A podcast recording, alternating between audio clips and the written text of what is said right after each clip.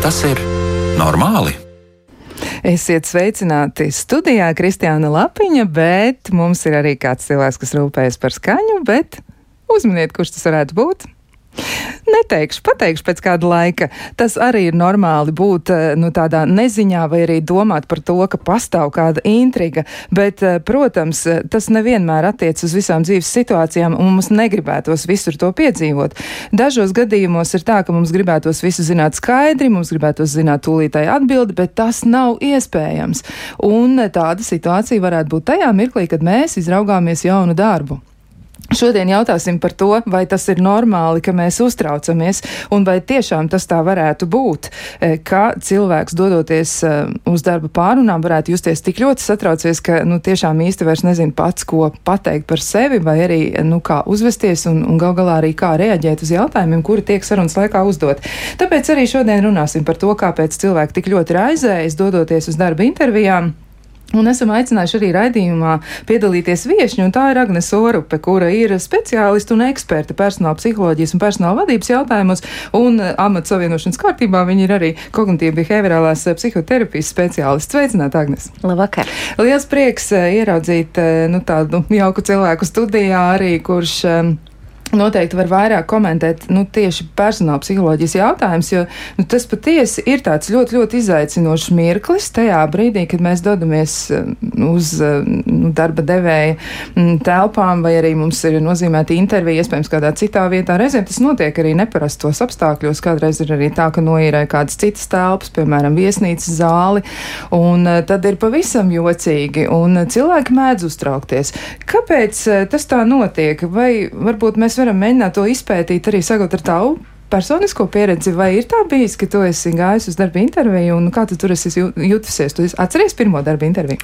Um, es atceros to, ka es dabūju sev pirmo darbu, un es nezinu, vai tā kvalificējās tieši kā intervija, jo tas izskatījās, un es nepārspīlēju, tas izskatījās tieši tā. Mans pirmais darbs bija, um, es strādāju skolā, un vienu rītu pie durvīm, um, ka es vēl mācījos tajā laikā augstskolā, piezvanīja kaimiņiene. Un, un es dzirdu, ka viņi runā ar manu mammu un saka, ka nu, vajag Agnēs piecelt. Nu, mamma man pieceļas, tā baigi neuzdod jautājumus.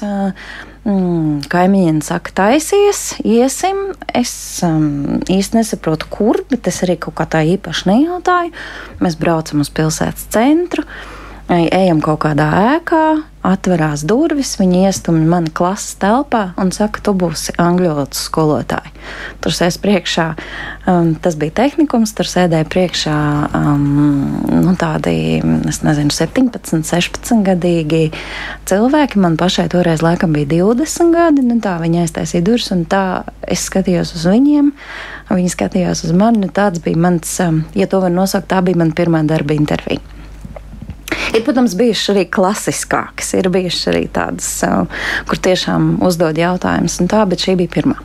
Nu, rekā, tā tad ļoti strauji tevi iemet uzreiz ūdenī un teica, peldi, nu, Jā, bet man patīk, es tur paliku strādāt. Tu paliki tur strādāt, cik ilgu laiku tu tur darbojies? Es tur nostrādāju astoņus gadus, jā. Tā kā šī oh. intervija kopumā ņemot bija sekmīga. Tā tad ļoti, ļoti tiešām eh, labs rezultāts, bet eh, ja es tev jautātu par to, kā tu jūties tajā brīdī, nu tā tad eh, ir arī tās citas darba intervijas. Varbūt mēs varam pāriet pie tā mirkļa, kad ir bijusi tāda ierastāka forma darba intervijai. Nu, tātad tur ir bijuši darba devēja pārstāvi, nu, tā saucamā atlases komanda, ja kā mēs to bieži vien arī ieraugām acu priekšā. Mums tas uh, uzreiz arī pavīd sevišķi tiem cilvēkiem, kur ir pamēģinājuši kādreiz uh, tādu pieredzi, un diezgan daudz noteikti tāda ir. Kādas izjūtas tad tev pašai ir bijušas? Kā tu jutusies? Ir bijis ārkārtīgi dažādi. Um, nu, tādas, um, es tādas savas pirmās intervijas. Kamēr es strādāju tehnikumā, es, es sāku brīvprātīgi pat mācīt tādu priekšmetu kā personāla atlases. Domāju, palīdzēt um, jauniešiem uzrakstīt CV un, un motivācijas vēstuli. Tajā laikā internetā nebija tik daudz materiālu, un, un cilvēki nerunāja tik brīvi angliski. Nu, līdz ar to man bija ārkārtīgi interesanti. Man liekas, nu, kā tas viss tagad izskatīsies dzīvē. Bet faktiski ne katra pieredze ir bijusi labvēlīga. Es esmu bijusi arī tādās ļoti dīvainās intervijās.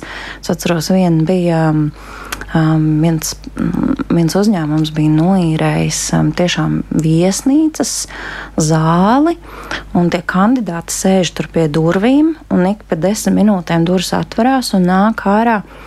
Cilvēki, viena meitene nāk raudādama, otra histēriski smējās, Un ir tāds milzīgs stress, un tu nesaproti, kas tur iekšā notiek. Un es atceros, es ieeju un pirmo jautājumu uzdod par to, kāda ir mana horoskopa zīme.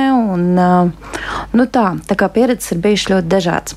Bet vienu gan es varu pateikt, ka Nu, tās intervijas, kurās es esmu piedalījies vēlākā laikā, nu, tā kā ne tajā sākumā, tur man bija ļoti vienkārši interesanti. Man liekas, ka Dievs, cik tas ir, nu, cik tas ir aizraujoši, tev uzdod jautājumus, un tevī veselu stundu kāds ļoti uzmanīgi, rūpīgi klausās. Tad tagad, nu, tādās vēlākās intervijās. Um, Tagad ir tā, ka es savukārt esmu iemācījusies, ka no tā, kā notiek interviju process, var ļoti daudz ko spriest par pašu uzņēmumu, par to, nu, kā vispār process norit uzņēmumā. Tā kā intervija ir tāda ļoti nozīmīga. Viņa tiešām ir divpusēja saruna. Jā, mūs kā kandidātus iepazīst darba devēji, bet mēs ļoti daudz ko varam nolasīt arī par pašu darba devēju potenciālu.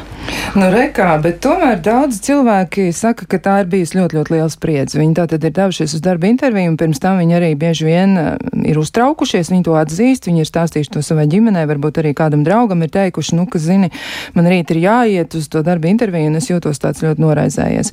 Kāpēc tas notiek? Varbūt tu vari raksturot tos biežākos cēloņus, kāpēc cilvēki tik ļoti satraucas dodoties uz darba intervijām.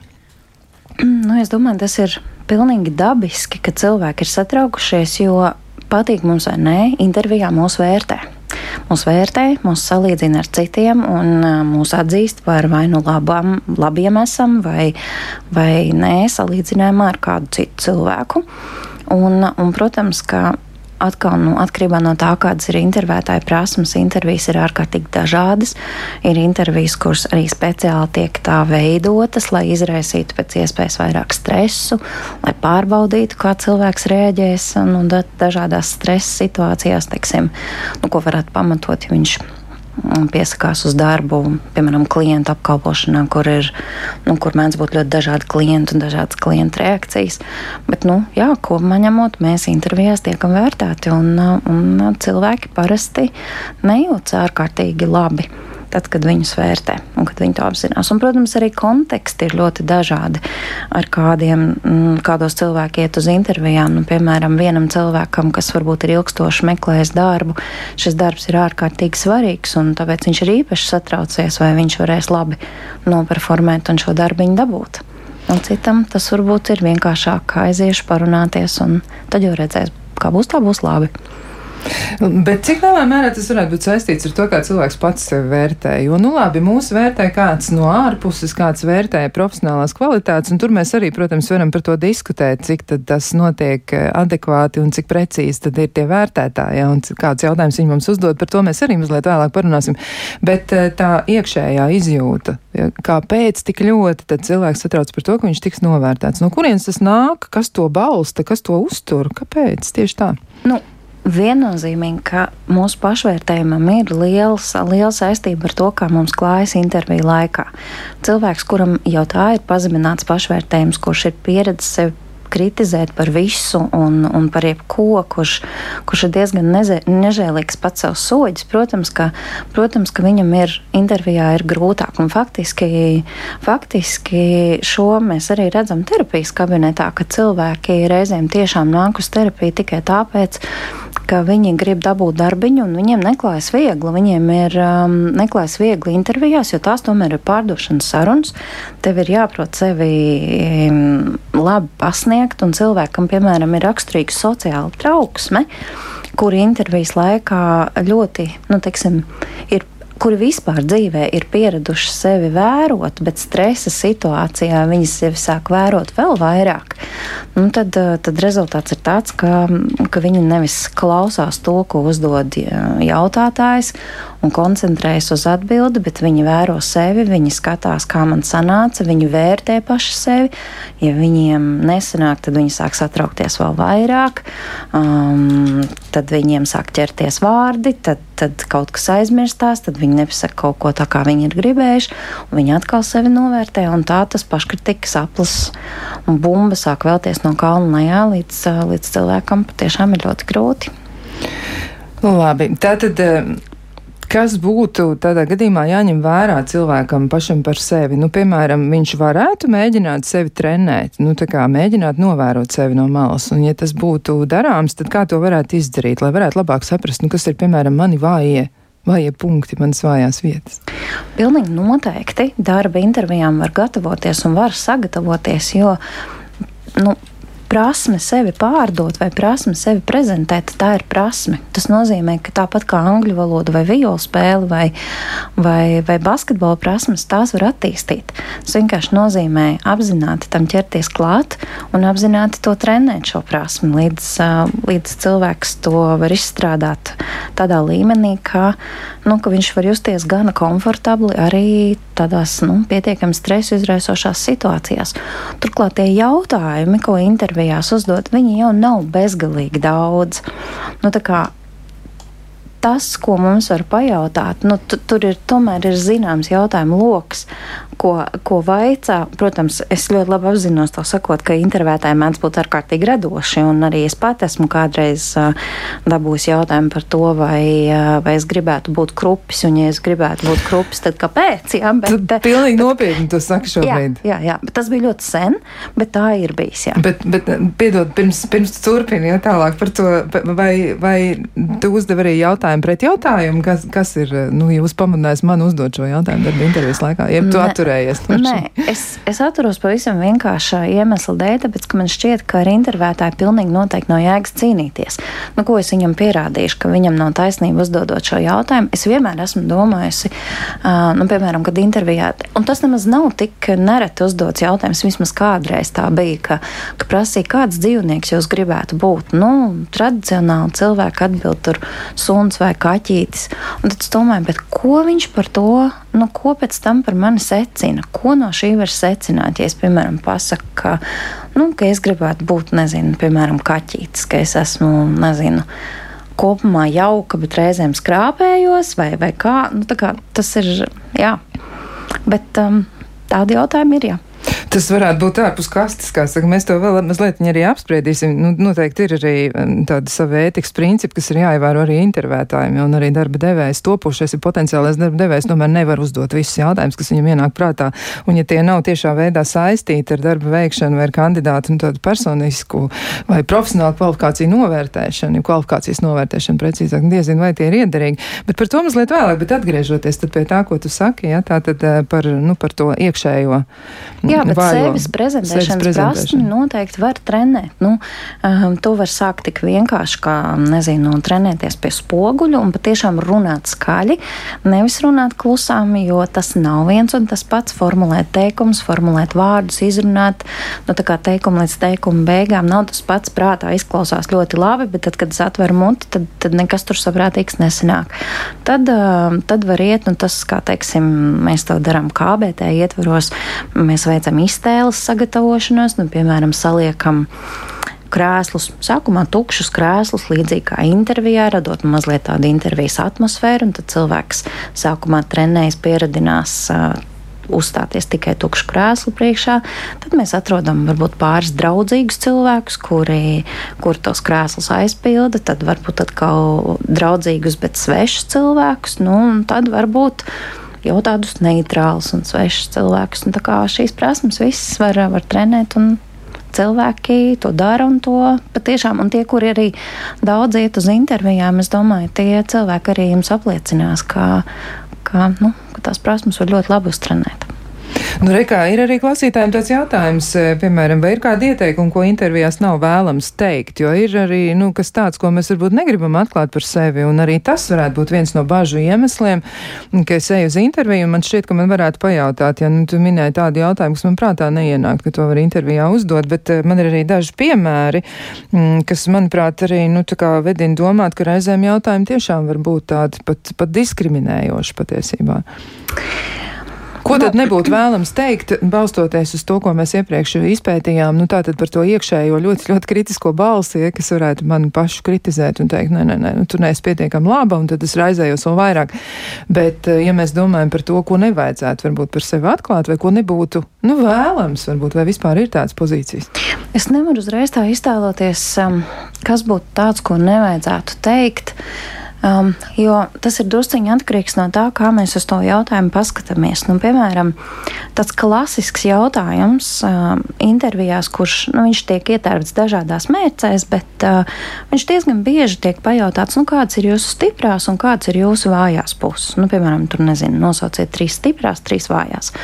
Un tad, protams, ka, nu, tad ir tāds jautājums, un ko tad teikt pie tām vājām pusēm? Nu, ka es, piemēram, um, mūžīgi kavēju, vai ka es nekad neko neizdaru laikā, vai, uh, vai uh, nu, es nezinu, vai, vai nu, vēl kaut ko. Nu, tas droši vien nebūtu prātīgi, jo, ja tā ir pārdošanas intervija, uh, pārdošanas sarunas, tad mums, protams, jācenšas sevi ir um, pasniegt pēc iespējas tādā labākā gaismā. No otras puses, es būšu tas cilvēks, kurš tomēr nu, tas, ko mums māca dažādi intervēšanās guru, ietērpiet kaut kādu savu stipro pusi vājajā, nu, teiksim, tā kā pasniedziet vājo pusi tā, ka beigās tā izrādās, piemēram, slēpta stiprā puse. Nu, es esmu ļoti atbildīga un es vienmēr strādāju pat uh, virsstundas, lai visus darbus pabeigtu laikā.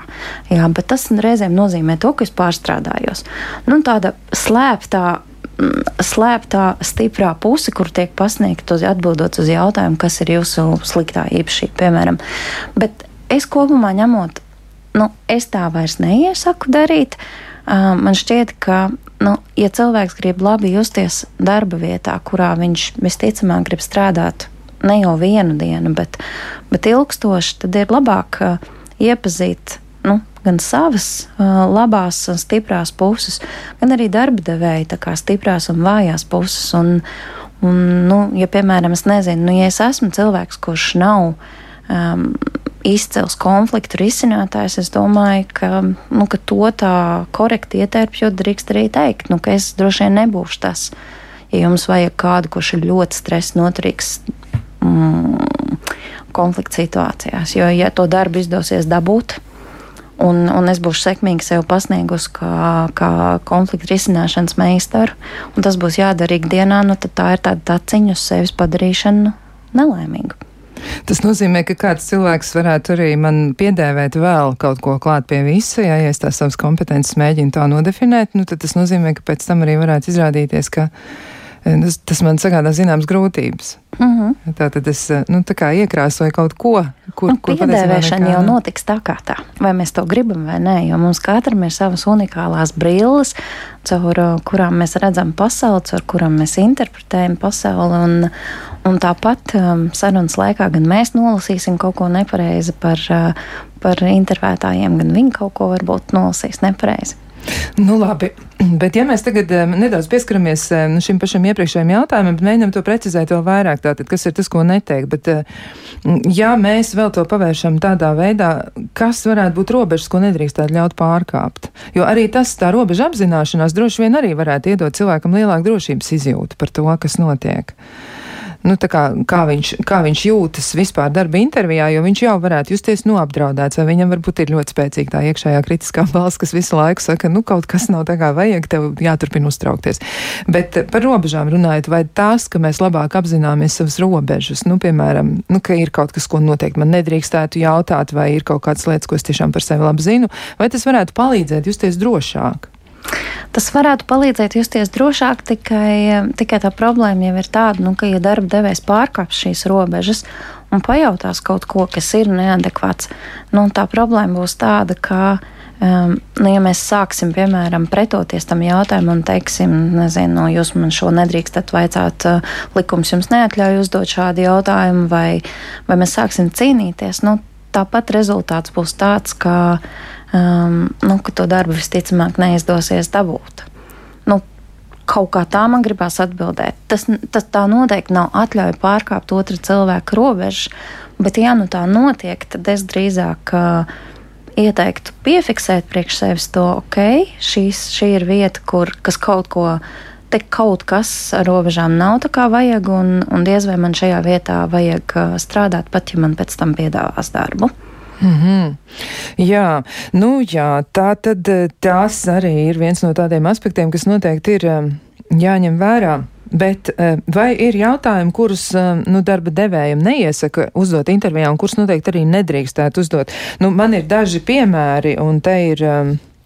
Nu, viens no tādiem piemēriem, piemēram, uh, kuru nedrīkstētu, nu, šis jautājums nedrīkstētu tikt uzdots, ja, nu, piemēram, cik jums maksā iepriekšējā darba vietā, ja tas arī varētu ļoti sašūpot cilvēku, jo viņam ir jāmēģina novērtēt sevi, vai iespējams viņam arī ir, nu, tā kā jāmēģina nu, apsvērt, cik viņš varētu saņemt par savu darbu, neskatoties uz to, ka iespējams reizēm ir pat fiksēta alga. Nu, iestādēs noteikti būs kaut kāda algas amplitūda, bet tur arī eksistē tā saucamās slavenās šķēres, ja, par kurām mēs esam diezgan daudz dzirdējuši. Un, eh, lūk, šāds jautājums ir eh, nu, tāds, kur nedrīkst uzdot, cik jums maksā iepriekšējā darba vietā. Piemēram, kur strādā jūsu vīrs vai sieva. Šādi jautājumi arī nedrīkst uzdot. Mm, vai jūs plānojat bieži ņemt slimības lapu, ja nu tad eh, Nu, tas ir apmēram tas. Jā, protams, jo biežāk, jo labāk. Jo biežāk, jo labāk. Jā. Man pašai, starp citu, ir bijis šāds jautājums, eh, tad, kad man bija eh, nu, tikai viens bērns, man uzdeva jautājumu darba intervijā, cik ātri es plānoju nākamo. Ja, tajā brīdī es eh, godīgi atzīšos, piecēlos un vienkārši aizgāju prom un aizvēru durvis, nu, ne ar troksni, jā, bet nu, tā, un tā diezgan, diezgan strikti. Jā, nu, vēl ir arī, piemēram, šāds jautājums, vai jums vienmēr ir bijis liekais svārs. Es nevaru iedomāties situāciju, ka šādu jautājumu vispār varētu uzdot cilvēkam ja nu vienīgi, es nezinu, varbūt filmēšanai ir nepieciešams kāds eh, cilvēks, bet diezin vai tad būtu tāda tradicionāla darba intervija. Un arī vēl viens piemērs, vai jūs apmeklējat dievkalpojumus, ja? Un tad, uh, Visas šīs lietas ir tādas, ko nedrīkst, eh, nedrīkst apspriest, un nedrīkst tādas lietas arī jautāt. Ir arī vesels uzskaitījums darba likumā, ja klausītāji interesēs, un noteikti arī pameklēt to juridisko nu, pamatojumu tam. Bet ir kaut kas, ko nedrīkst vaicāt. Varbūt, ka tu vari arī vēl iezīmēt, nu, ko nedrīkst. Protams, e, e, likumā ir, ir atsevišķs pants vai pat panti par to, ko nedrīkst jautāt. Nu, tā ir absolūtā klasika, sākot par reliģisko piedarību un, un, un, un orientāciju. Un, un, nu, vispār dziļi personiskas lietas intervijā nedrīkstētu tikt cilātas, bet jautājums, piemēram, par darba samaksu. Es viņu esmu intervijās par iepriekšējo darba samaksu. Es esmu viņu diezgan bieži uh, nu, bijusi spiest pati atbildēt. Un reizēm ir tā, ka man šķiet, ka intervētājs netik ļoti uh, uh, interesē nu, tas pats cipars, bet tieši tas, kā cilvēks izgrozīsies no neveikla jautājuma. Bet atkal tam ir kaut kā jābūt pamatotam ar darba specifiku. Jā, tā atkal es nemēģinu attaisnot darba devēju, kurš, kurš vienkārši klāja pārkāpj robežas. Nē, bet, bet var gadīties kāds nērts jautājums vienkārši tāpēc, nu, ka klienta apkalpošanā gadās visādi brīnumi. Nu, arī tas varētu tā būt. Mm, vēl ir arī tā, ka dažu specifisku profesiju pārstāvi saka, ka, nu, teiksim, viena no darba intervijas daļām vai vispār arī tāda, nu, tā kā darba intervija, kurā mēs varētu ietvert to dažādu veidu citas aktivitātes, satur arī, nu, kaut kādus tādus veicamos uzdevumus aktīvus, jā, vai, vai reizēm arī tiek izmantoti testi, nu, piemēram, pilotus aviācijā atlasa šādā veidā, viņiem ir ļoti, ļoti rūpīgi atlasa. Jā, bet jā, ne tikai, un... tagad tā, man liekas, ka tādi uzdevumi un, un testi kļūst ar vien ar vien populārāki faktiski nu, gandrīz ļoti daudzos, ļoti daudzās atlasēs otrā kārta sastāv no tā, ka cilvēkam tiek iedots vai nu kaut kāds izmēģinājuma uzdevums, kurā viņam ir hipotētiska situācija, kur viņš atbild, kā viņš rīkotos šādā, šādā variantā, vai arī tiešām kaut kādi personības testi, kurus, kurus aizpild un, tad mēģinu labāk saprast, padziļināt, saprast, um, vai cilvēks ir piemērots amatam. Un es gribētu teikt, ka jo augstāka pozīcija, jo vairāk šādu būs. Nu, tā kā teiksim, vadības, um, vadības amatos tā ir pat ļoti ierasta, pra, ierasta prakse. Mm, jā, tiešām reizēm pat līdz astoņām stundām tevi spīdzina ar dažādiem testiem. Un, kā es kādreiz saku, man nav tik daudz personības, cik ir personības testi, kas ir jāaizpilda. Tev arī ir bijusi tāda pieredze, ka tu mm -hmm. esi pati to darījusi? Jā, ir bijis. Jā, es tiešām atceros, kā viena no. Mm, bija, bija vasaras laiks, ārā bija 30 grādi. Mēs sēdējām tādā absolūti mazā, šaurā telpiņā, un bija pat speciāli bija atlidojis testētājs no Somijas, un, un, un viņam bija dažādi, dažādi šie scenāriji, un tur bija gan, gan, gan intelekta testi, gan tādi, nu, tādi kā lai saka, tādas amatam raksturīgas situācijas, kuras bija interesants, bet 30 grādos tas bija, tas bija kaut kas tam visam tikt cauri. Jā, izklausās ļoti iespaidīgi. Tā tad varētu būt bijusi tāda ļoti, ļoti nopietna institūcija, kur tu esi pretendējis uz, mm. uz uh, amatu. Jā, nu patiesi tā tad ļoti daudz dažādas lietas, bet arī šeit droši vien ir vērts domāt par to kandidātam, nu vai nu, arī paturēt varbūt to kritisko, kritisko prātu tūmā un kritisko domāšanu, cik ļoti tas ir iederīgi. Varbūt darba intervijas laikā apspriest testa jēgu īsti nav nu, vietā, bet vispār par to apdomāties noteikti ir vērts, jo mūsu vēl viena sarunas daļa noteikti būs jāvēlt arī tam, ja, piemēram, cilvēks saņem negatīvu atbildi, kā viņš jūtas, jā, jo tas arī ir vesels stāsts. Jā. Un, un ja mēs. Jā. Ja atgriežas teiksim, pie šī piemēra, kur mēs uh, toreiz mēs tie kandidāti bijām vairāki, un, un tajā situācijā es biju tā laimīgā, kas to darbu dabūju, bet es toreiz kopā parēķināju visām intervijām, testiem, kopā bija veltījis kaut kādas trīs ar pus pilnas dienas. Un tās bija nu, neapmaksātas dienas. Skaidrs, ka par testiem neviens nemaksā. Tad, nu, tad rezultātā, ja tu to darbu nedabū, tad ir um, varbūt ļoti gauži. Jā, patiesi tas varētu būt ļoti grūti mm, to visu piedzīvot un arī pēc tam nu, būt attiecībās ar to saņemto rezultātu. Jā, mēs uh, turpināsim sarunu par šo visu pēc ļoti īsa brīža, bet burtiski uz pāris sekundēm atvilksim elpu.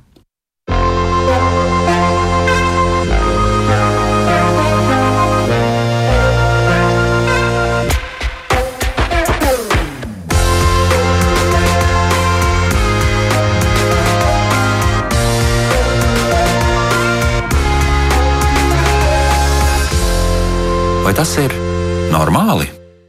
Turpinām sarunu par to, kā mums justies tad, kad uh, esam iecerējuši uzsākt jaunas darba gaitas, un arī par to, kā mēs jūtamies darba intervijās. Un daudzi cilvēki atzīst, ka tas ir bijis ļoti problemātiski, un arī nākotnē, nu, tā kā domājot par to, ka tas varētu atkārtoties vēl kādu reizi, šķiet, ka nu, tā nav tā situācija, ko viņi izvēlētos un teikt, ka, lūk, tur es vienmēr jūtos ļoti komfortabli. Kaut gan es ticu, ka ir arī tādi cilvēki, kas jau ir tik tālu iepraktizējušies, ka spēja darba interviju uztvert arī kā tādu nu, saudabīgu pārbaudas formu paši sev, vai es spēju to izturēt. Ja, tā kā viņiem tādā azartā savā ziņā ir.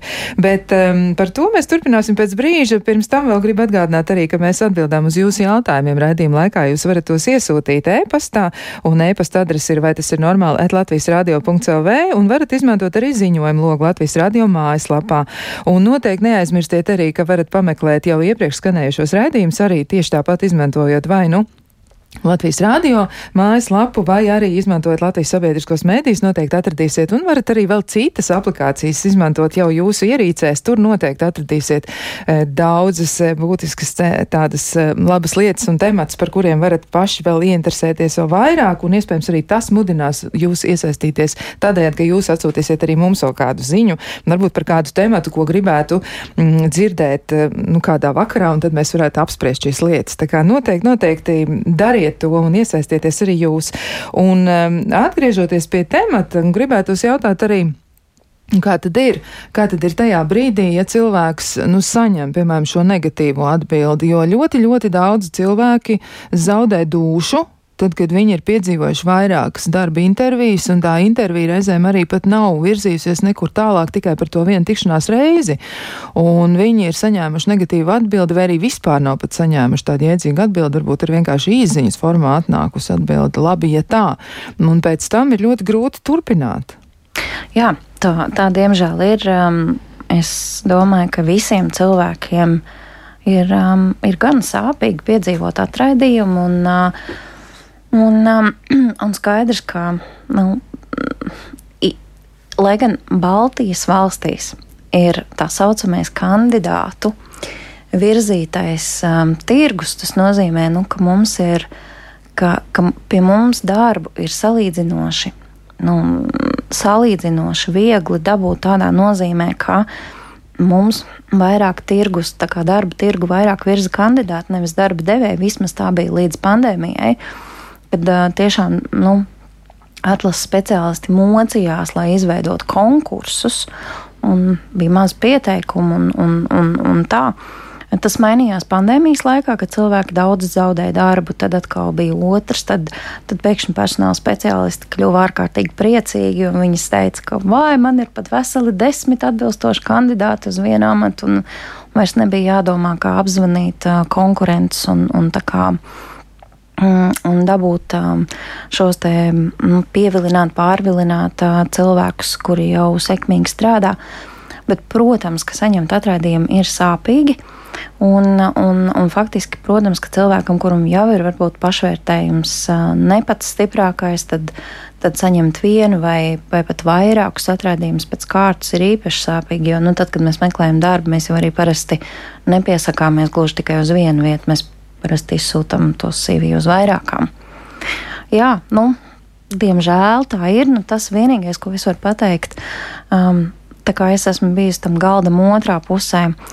Um, minēs skaitījis, esmu laikam dzīvē novadījis, kamēr vēl strādāju personāla vadībā, apmēram 8000 interviju. Es varu Pa kuru laiku tu to pagaidi izdarīt? Tur ir, mums ir bijuši dažādi formāti, arī grupu intervijas un, un, un, un, un tā, bet um, tas diezgan ilgstoši nostrādāja, jā, personāla atlasē. Tad uh, tas, ko es varu tādam iedrošinājumam teikt, ir, ka, ka atraidījums nenozīmē, ka mēs, ka mums kaut kas nav kārtībā. Ir, ir bijušas pietiekami daudz reizes, kad mums ir ļoti paticis cilvēks, ka mums ir ļoti paticis kandidāts, bet mēs viņam tomēr atsakām, tāpēc, ka mēs redzam, ka viņš varbūt neiederēsies šajā kolektīvā. Kā tieši neiederēsies? Tagad lūdzu paskaidrošu sīkāk, paliksim pie šī punkta uz īsu mirkli, jo tas ir kas tāds, kas cilvēku varētu arī ļoti satraukt. Viņam, piemēram, tad, kad ir beigusies intervija vai arī ir beigusies atlases, viņš varbūt iet pie personāla atlases speciālistu un jautā, nu, varbūt jūs varat sniegt man kaut kādu papildus informāciju. Un lūk, viņš saņem šādu atbildi. Um, neviens, es domāju, neviens um, savas sāls vērts uh, atlases speciālists šādu atbildi neteiks. Uh, visticamāk, tā atbilde būs kaut kāda ļoti korekti noformulēta. Mēs izvēlējāmies citu kandidātu. Bet nu, mēs, piemēram, redzam, ka tas cilvēks ir. To ļoti grūti aprakstīt, bet uh, mēs, piemēram, redzam, ka šajā kolektīvā nu, tas cilvēks ir nu, ka viņam būs grūti. Nu, piemēram, mums ir eh, bijuši ļoti introverti kolēģi un atnāk kāds ļoti ekstraverts cilvēks. Un, un, nu, tas tagad izklausās tā ļoti lēti, ka tā, tāpēc vien var, var atraidīt kādu, bet, uh, bet ir tādas reizes, ka tu saproti, ka šim cilvēkam klāsies labāk citur un ka tā būs. Nu, ka tā būs viņa karjeras aplaušana, ielikt viņu tādā rāmītī, kurā viņš nevarēs līdz galam uzplaukt. Vai arī Vai arī, piemēram, atnāk kandidāts un tu redzi, ka viņa potenciāls ir, ir plašāks nekā tas, kas ir jādara tam, tajā amatā. Un, lai gan viņš formāli atbilst visiem kritērijiem, tu saproti, ka viņš pēc pusgada šajā darbā būs nelaimīgs, jo viņam būs garlaicīgi un viņš ies, nu, kā, viņš ies meklēt kādu citu amatu. Nu, es mēģinu pateikt, ka reizēm, ka reizēm tas tiešām nav personiski, un reizēm ir labi, ka pasaka nē.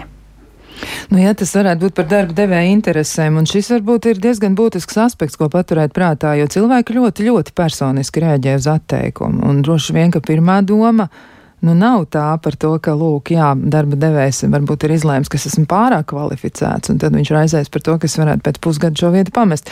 Bet te ir diezgan tādas slidens tās robežas, ja, jo, nu, kāpēc gan viņam vajadzētu domāt manā vietā, ja reiz es esmu atnācis šeit, un es eh, mēģinu kandidēt un mēģinu to amatu iegūt, protams, viņš var izlemt, bet tajā pašā laikā arī tas neliekas tā īsti godīgi, vai ne? No vienas puses jā, bet no otras puses, nu, ja tev ir kandidāti vairāk, un viņi visi atbilst prasībām, kāds tev ir jāizvēlās un kādam ir jāpasaka nē. Un tad tu centies mēģināt nu, kā ieraudzīt, kā šis cilvēks. Um, kā viņš šajā uzņēmumā teksim, uzplauks un, un, un, un vai viņam klāsies labi. Nu, tu, es domāju, nu, tādu, nu, tādu labāko nodomu vadīt. Es domāju, ka visi personāla vadītāji tomēr cenšas nu, atrast um, tādu variantu, kur, uh, kur labi ir uzņēmumam, bet labi ir arī cilvēkiem, kas tur strādā. Bet, ja mēs tagad runājam par pašu cilvēku, ko viņam tad sev teikt tajā brīdī, kad viņš to atteikumu ir saņēmis? Nu, kā viņam mēģināt pārstruktūrēt tās ļoti nelēmīgās domas, ja tiešām tā ir bijis, un viņš, un viņš ir saņēmis, nu, piemēram, piecus atteikumus pēc kārtas vai desmit. Ir ļoti dažādas pieredzes, un cilvēks stāst arī par tādiem ļoti drūmiem gadījumiem, kad viņiem tiešām ir ļoti, ļoti bijis eh, ilgu laiku jāmeklē darbs, un viņi tiešām ir ļoti centīgi to darījuši un saņēmuši vairākus atteikumus pēc kārtas. Nu, vienā brīdī cilvēkam tiešām sāk likties, ka kaut kas ar viņu galīgi nav tā kā vajag. Jā, nu, tā diemžēl arī gadās, un, un ir tādas situācijas, ka es domāju, tas ir ļoti grūti. Uh, vienu, divus, trīs atteikumus pārdzīvot mēs droši vien visi varam, bet tad, kad um, ja viņi jau sāk tuvoties desmit vai iet pat pāri tam, es domāju, katram. Katram drusku tas iedzelt un, un rastos jautājums, nu, kas ar mani nav kārtībā, kāpēc man negrib. Mm, un droši vien, ka viena lieta, ko tajā brīdī izdarīt, ir, nu, pirmkārt, pirmkārt nekādā gadījumā nevajadzētu mēģināt iztulkot uh, to, ko mēs nezinām, sev par sliktu. Tā ir tāda nu, negatīva domāšana, un, un, un tā tikai noved pie sarūktinājuma un potenciālām jaunām neveiksmēm. Bet tas, ko mēs noteikti varam darīt, ir, ir tajā brīdī, nu, ir vērts paskatīties pirmkārt, um, kāds tad tas CV izskatās. Varbūt ir vērts aiziet pie kāda speciālista un paskatīties, vai uh, Um, vai CV nevar kaut kā uzlabot, vai pagriezt kaut kādas, akcentēt kaut kādas uh, lietas, kuras nav tik labi pamatā, pamanāmas, un, um, kuras vajag vairāk izcelt vai vairāk aprakstīt sīkāk. Varbūt tās ir tiešām pašas intervēšanas prasmes. Varbūt cilvēks tajā brīdī patiešām ir tik ļoti uztraucies, ka ka viņš um, nevar nosaukt labākos piemērus no savas, um, no savas prakses un pieredzes, jo ne visi cilvēki, kuri ir uh, ļoti labi darbiņu darītāji, ir arī labi runātāji, un to ir vērts um, arī trenēt. Uh, nu, ar, ar atkal vai nu ar kādu speciālistu, vai varbūt kaut vai vienkārši ar draugu patrenēt šīs intervijas prasmes un paskatīties, var pafilmēt sevi, paskatīties uz sevi no malas, varbūt patiešām ir kaut kas, kas ko, pie kā var piestrādāt un ko var uzlabot. Nu, un, nu, diemžēl labāka padoma man nav, kā, kā turpināt neatlaidīgi iet uz priekšu un, un kaut kad vainagosies šie meklējumi ar panākumiem. Vai vēl varētu izmantot tādu paņēmienu, ka cilvēks tomēr mēģina atcerēties tās nu, labās epizodes, kas viņam dzīvē ir bijušas, nu, piemēram, tā saucamie veiksmes stāstie, kas ļauj atcerēties par to, kas ir manas spējas. Jo cilvēks varētu sākt apšaubīt sevi tajā mirklī, kad viņš saņem to atteikumu, jo tas ir tāda, nu, tāda diskvalifikācija, nu, rekur tev nav kaut kas, jā, un viņš pat nezina, kas tas ir, jo tu pati teici, ja, ka personāla, nu, tāds eh, atlases speciālists, kurš ir korekts un ētisks savu darbu darītājs, viņš visticamāk, nu, tiešām, nu, neteiks, jā, kas tur nebija tā kā vajag. Varbūt, nu, ja, ja kāds apsūdz uh, viņu. Un ļoti bieži arī ir tā, ka nav tā, ka, Jā, nu, ka kaut kas nav obligāti tā kā vajag. Vienkārši ir kāds kandidāts, kurš patīk labāk vai šķiet piemērotāks vai. vai um, nu, ka nav kaut kādas konkrētas um, negatīvas lietas, uz ko varētu norādīt. Un, un ko cilvēkam obligāti vajadzētu labot. Jā, protams, jebkurš paņēmiens, jebkura mm, sevis pozitīva noskaņošana, jo īpaši tā ir pierādījumos balstīta. Ja mēs varam atcerēties kaut kādus citus gadījumus, kur mums ir veicies labi, tad to vajag ņemt mm, palīgā, lai, lai nu, to garu stāvokli savu stiprinātu un uzlabotu, lai varētu tiešām pēc iespējas labāk nostartēt. Arī, protams, man gribās pieminēt, um, Uh, arī, nu jā, ja cilvēkam atkal, nu tā ir tā lieta, ja tam cilvēkam ir jau pašam tā pašvērtējums nav tik stiprs, tad, protams, ka katrs atteikums viņ, viņš izjutīs viņu sāpīgāk nekā tas, kuram pašvērtējums ir augstāks. Bet um, tajā pašā laikā es tomēr gribētu arī cilvēkus iedrošināt uh, pieteikties un atsaukties uz sludinājumiem pat tad, ja viņi neatbilst visām prasībām simtprocentīgi. Un šo es visvairāk mērķēju tieši uz, uz dāmām, jo pētījumi rāda, ka tieši sievietes ir tās, kuras ļoti rūpīgi iet cauri sludinājumu tekstam. Ja pat viņas atrod vienu rindiņu, kur viņas tā kā neatbilst, tad viņas sevi jau izmet kā kandidātu pirms vēl ir startējušas. Nu, tā kā es aicinātu mēģināt, un jā, nu, tāpēc, ja ja jūs esat tikuši līdz intervijai, tad, tad, tad saruna var sākties, un, un reizēm ir tādas situācijas, kad cilvēkam pēc tam piedāvā kaut kādu citu darbiņu, nevis uz to, kur ir nācis, jo viņš ir iepazīts un, un viņam atzvana par kaut kādu citu vakanci. Arī tā ir bijis. Arī tā mēdz notikt, jā. Nu, vēl, protams, gribētos arī jautāt, vai tiešām darba intervija ir tik ļoti pilnīga, ka tā varētu dot tādu nu, tiešām dziļu priekšstatu par cilvēku. Arī klausītājiem ir šāds jautājums, vai darba intervija darba devējiem dod patieso ainu un priekšstatu par potenciālo darbinieku, jo arī tas varētu būt saistīts ar spriedzi, ka cilvēks ir ļoti, ļoti uztraucies, un tad viņš mēģina sevi parādīt no tās viņa prāt tās labākās puses. Es domāju, ka godīga atbilde būs droši vien nē. Es domāju, ka stundas laikā nu, tas tas būtu kaut kāds ļoti īpašs cilvēks, kas stundas laikā otru cilvēku var dziļi un pamatīgi iepazīt. Nu, protams, ka, ka tas, ko šobrīd dara um, organizācija psihologi, viņi meklē pēc iespējas efektīvākas metodas, kā pēc iespējas vairāk varētu pietuvināt to, ka tā, tas atlases process patiešām pēc iespējas dziļāk un pamatīgāk atklāja um, to, vai šis cilvēks būs piemērots um, šai darba vietai, vai šis darbs būs piemērots šim konkrētajam cilvēkam bet es noteikti nebūšu un neuzdrīkstēšos apgalvot, ka, ka var um, cilvēku stundas laikā, vai, nu, vai divu stundu laikā, vai pat šo astoņu stundu laikā ar dažādiem testiem dziļi un pamatīgi ie, iepazīt. Turklāt, tajā brīdī, kad mēs sākam strādāt, ir taču arī vēl vidas un, un konteksta faktori, kuri kuri intervijas laikā mums nav pieejami. Nu, kaut vai tik vienkārši lieta, kā mūsu tiešie kolēģi vai, vai darba vieta, kurā mēs, mēs sēdēsim. Tur ir tik daudz, kas, kas nosaka mūsu panākumus, kas mums izdosies un kas, kas, kas mums neiznāks tik labi katrā konkrētajā darba vietā. Jo, jo faktiski nu, tā darba intervija ir mazliet tāda grāmatas skatīšana no vāciņa. Nu, mēs varam ieskatīties tajā grāmatā, bet diez vai mēs varam paspēt izlasīt visu grāmatu.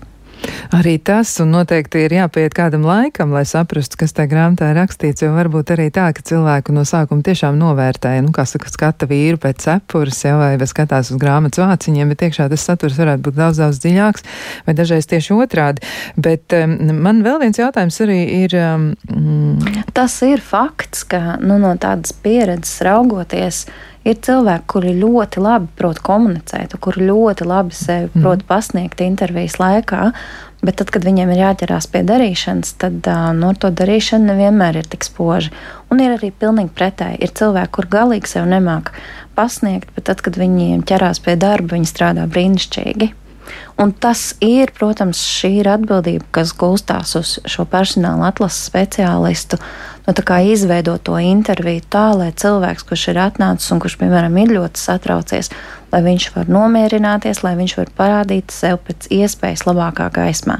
Bet tajā pašā laikā es tomēr gribu arī cilvēkus, kuri dodas uz intervijām, aicināt tām gatavoties, padomāt par piemēriem, padomāt par, par, um, par kaut kādiem um, par, par paraudziņiem, varbūt savu darbu paraugus kaut kādus paņemt līdzi, lai nav tā, ka izējot pa, pa durvīm eh, tāda pilnīga klasika. Ak, es taču aizmirsu, man vajadzēja pateikt šito, nu kā es varēju tā aizmirst? Ja? Un, um, ja gatavojās, tad, ja šos piemērus pavēl ārā, tad uh, saulēcīgi apdomāt, tad, tad viņi īstajā brīdī ir pie rokas.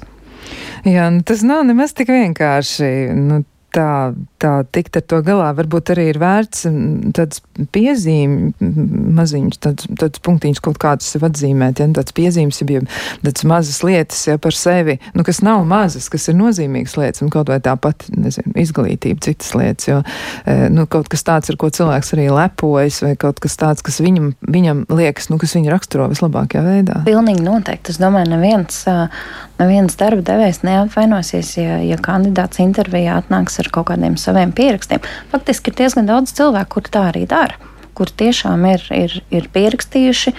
Kuri arī, kuri arī godīgi pasaka, ka viņi intervijās mēdz ļoti satraukties, tāpēc viņi ir dažas lietas pierakstījuši. Un, um, nu, es nevaru iedomāties, ka kādam varētu būt pret to iebildumi. Bet kā tu, kā personāla atlases speciālists, eh, nu, savu laiku esi strādājis šajā jomā tieši, nu, kā tu pateici, tajā otrā pusē, eh, nu, kā tu reaģēji uz to un kā tavuprāt vispār personāla atlases speciālists reaģēja uz to, ka cilvēks atklāja, ka viņš ir spriedzē, jo būt spriedzē ir normāli tādā situācijā, tas ir izaicinājums un būt absolūti rāmam, ja, mierīgam kā jūrai, nu, kā mēdz teikt, diezin vai tas ir tik viegli. Tad kā, kā reaģē uh, atlases procedūrās uz uh, nu, tādu atklāšanu par sevi ja šādas intīmas un var, varbūt personiskas lietas? Nu, sāksim ar to, ka pirmkārt to var redzēt. Tad, kad cilvēks ir satraucies, tad, tad uh, ir, protams, arī dažādi paņēmieni, kā, kā kandidāti ir mēģinājuši to nu, piesakt. Ja. Nāk ar, ar, ar, ar, ar um, blūzītēm augstos kaklos, ir izlaisti mati, ja, jo cilvēks, kad viņš ir satraucies, viņam kakls mēdz kļūt pārklāties, pleķēns kļūt, vaigas zied kā rozes. Ja. Bet es tiešām, liekot roku uz sirds, nevaru atcerēties nevienu gadījumu, Un arī tiešām, nu, tad, kad jau kandidāts ir aizgājis, ka kāds no vadītājiem vai intervētājiem būtu izteicis kādu nicinošu piezīmi par to, ka cilvēks ir satraucies. Tieši otrādi ir, ir, mēs esam kādreiz runājuši par to, ka kandidāts ir jāpaicina uz otru sarunu, tāpēc, ka viņš ir bijis tik uztraucies, un ka viņš nav sev varējis parādīt no labākās puses, bet ir sajūta, ka tur varētu būt ļoti, ļoti labs cilvēks. Kādi vēl instrumenti tiek izmantoti personāla atlasē, par kuriem būtu cilvēkiem vērts zināt? Nu, nu, kaut kas tāds, vēl bez testiem, ko mēs pieminējām, kas tiešām varētu arī izraisīt zinām satraukumu. Bet, nu, tests ir tests, tests ir jāinterpretē noteikti, un to taču nu, arī dara profesionāli cilvēki, personāla psihologi, un, un tie, kas ir iesaistīti procesā, viņi to cenšas droši vien darīt atbildīgi. Tas būtu viens ja, par testiem. Nu, tad, eh, tad eh, arī par jautājumiem mēs jau izspriedām, ja tos tomēr regulē darba likums. Un, starp citu, tas ir 33. pāns, ja tur ir vesels lērums jautājumu, kurus nedrīkst uzdot, nekas nav saistīti ar kandidātu kvalifikāciju, prasmēm un darba pieredzi, kā arī jautājums, kas tiešā vai netiešā veidā diskriminē kandidātu. Šis, šis ir, starp citu, ļoti nu, tāds aktuāls punkts tiešā vai netiešā veidā diskriminē kandidātu. Šķiet, ka tur joprojām Latvija arī maz drusciņi iepaliek, ja sievietes vīrieši jaunās māmiņas un tā tālāk. Tur ir daudz zemūdens akmeņu, bet atgriežoties pie instrumentiem, kas vēl tiek izmantots, nu tā tad ir aktīvi, interaktīvi uzdevumi, ir, ir vēl kaut kas, kas vēl, ko vēl izmanto, par ko kandidātiem būtu vērts apdomāties, nu ko viņi varētu potenciāli sagaidīt darba intervijā. Nu, es, varu, es, es varu padalīties ar to, ko es pati esmu piedzīvojis, kas ir izmantots varbūt uz mani, un kad es esmu bijis kandidāts nu, no tādām varbūt neparastākām metodēm, piemēram, Ir kādreiz ir gadījies būt grupas intervijā, kas, nu, piemēram, kur, kur intervētājs, nu, mēs esam kaut kādi astoņi kandidāti, un intervētājs mūs uz 15 minūtēm atstāja vispār bez nekādām norādēm. Mm, un tad, kad es atvainojos, tad, kad viņš atnāk atpakaļ, Tad viņš, piemēram, jautā, kā sauc tavu blakus sēdētāju, un cilvēku, kur nevar atbildēt, iet mājās. Nu tā, piemēram, šāds kaut kāds. Nu, atkal, protams, mēs varam uzdot jautājumu, cik efektīva ir šāda intervēšanas metode un ko viņi patiesībā parāda un atklāja par kandidātiem.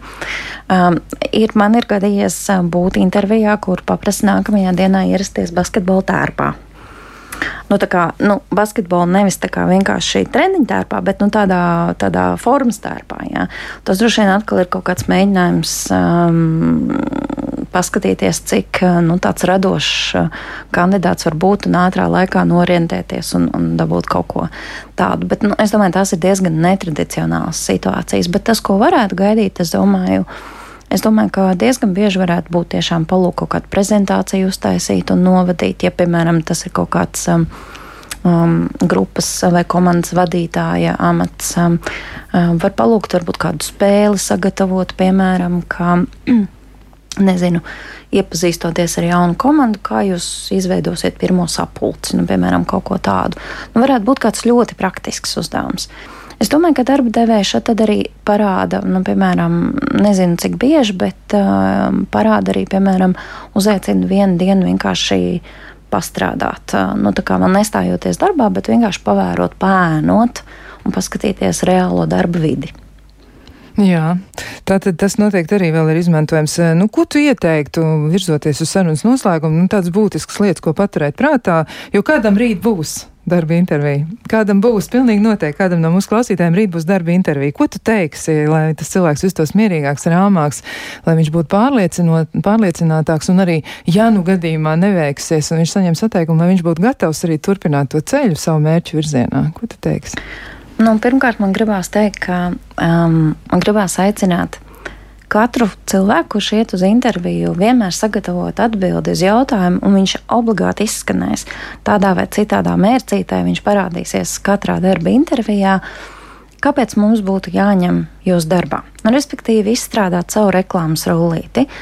Katram vajadzētu zināt nu, savus trīs līdz piecus tā saucamos pārdošanas punktus, nu, ar ko tad es esmu foršs. Jo, ja to, ja to nāksies izdomāt uz vietas, un, un ja būs šie stresa apstākļi, tad iespējams tie piemēri, kas ienāks prātā, nebūs tie paši veiksmīgākie, un tad būs tāda sajūta, nu, ka mm, es taču aizmirsu pateikt kaut ko ļoti svarīgu. Nu, un otrkārt, nu, es nezinu, um, nu, mēs neesam pieclapnieki, mums nav visiem jāpatīk.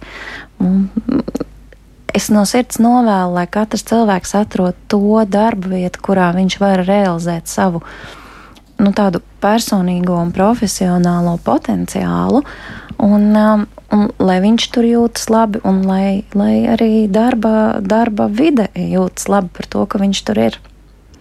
Rekā, nu ļoti jauki ieteikumi. Mēs ceram no savas puses, ka tie noteikti palīdzēs eh, tiem cilvēkiem, kur rīt dosies uz savu darbu interviju, lai jums tiešām veicas un lai jūs eh, tiekat pie tā darba, ko esat kārojuši un eh, pēc kura esat ilgojušies. Vai varbūt arī tas palīdz jums pārdzīvot kāds grūtāks laiks, lai pēc tam jūs atkal izvirzītu citus mērķus.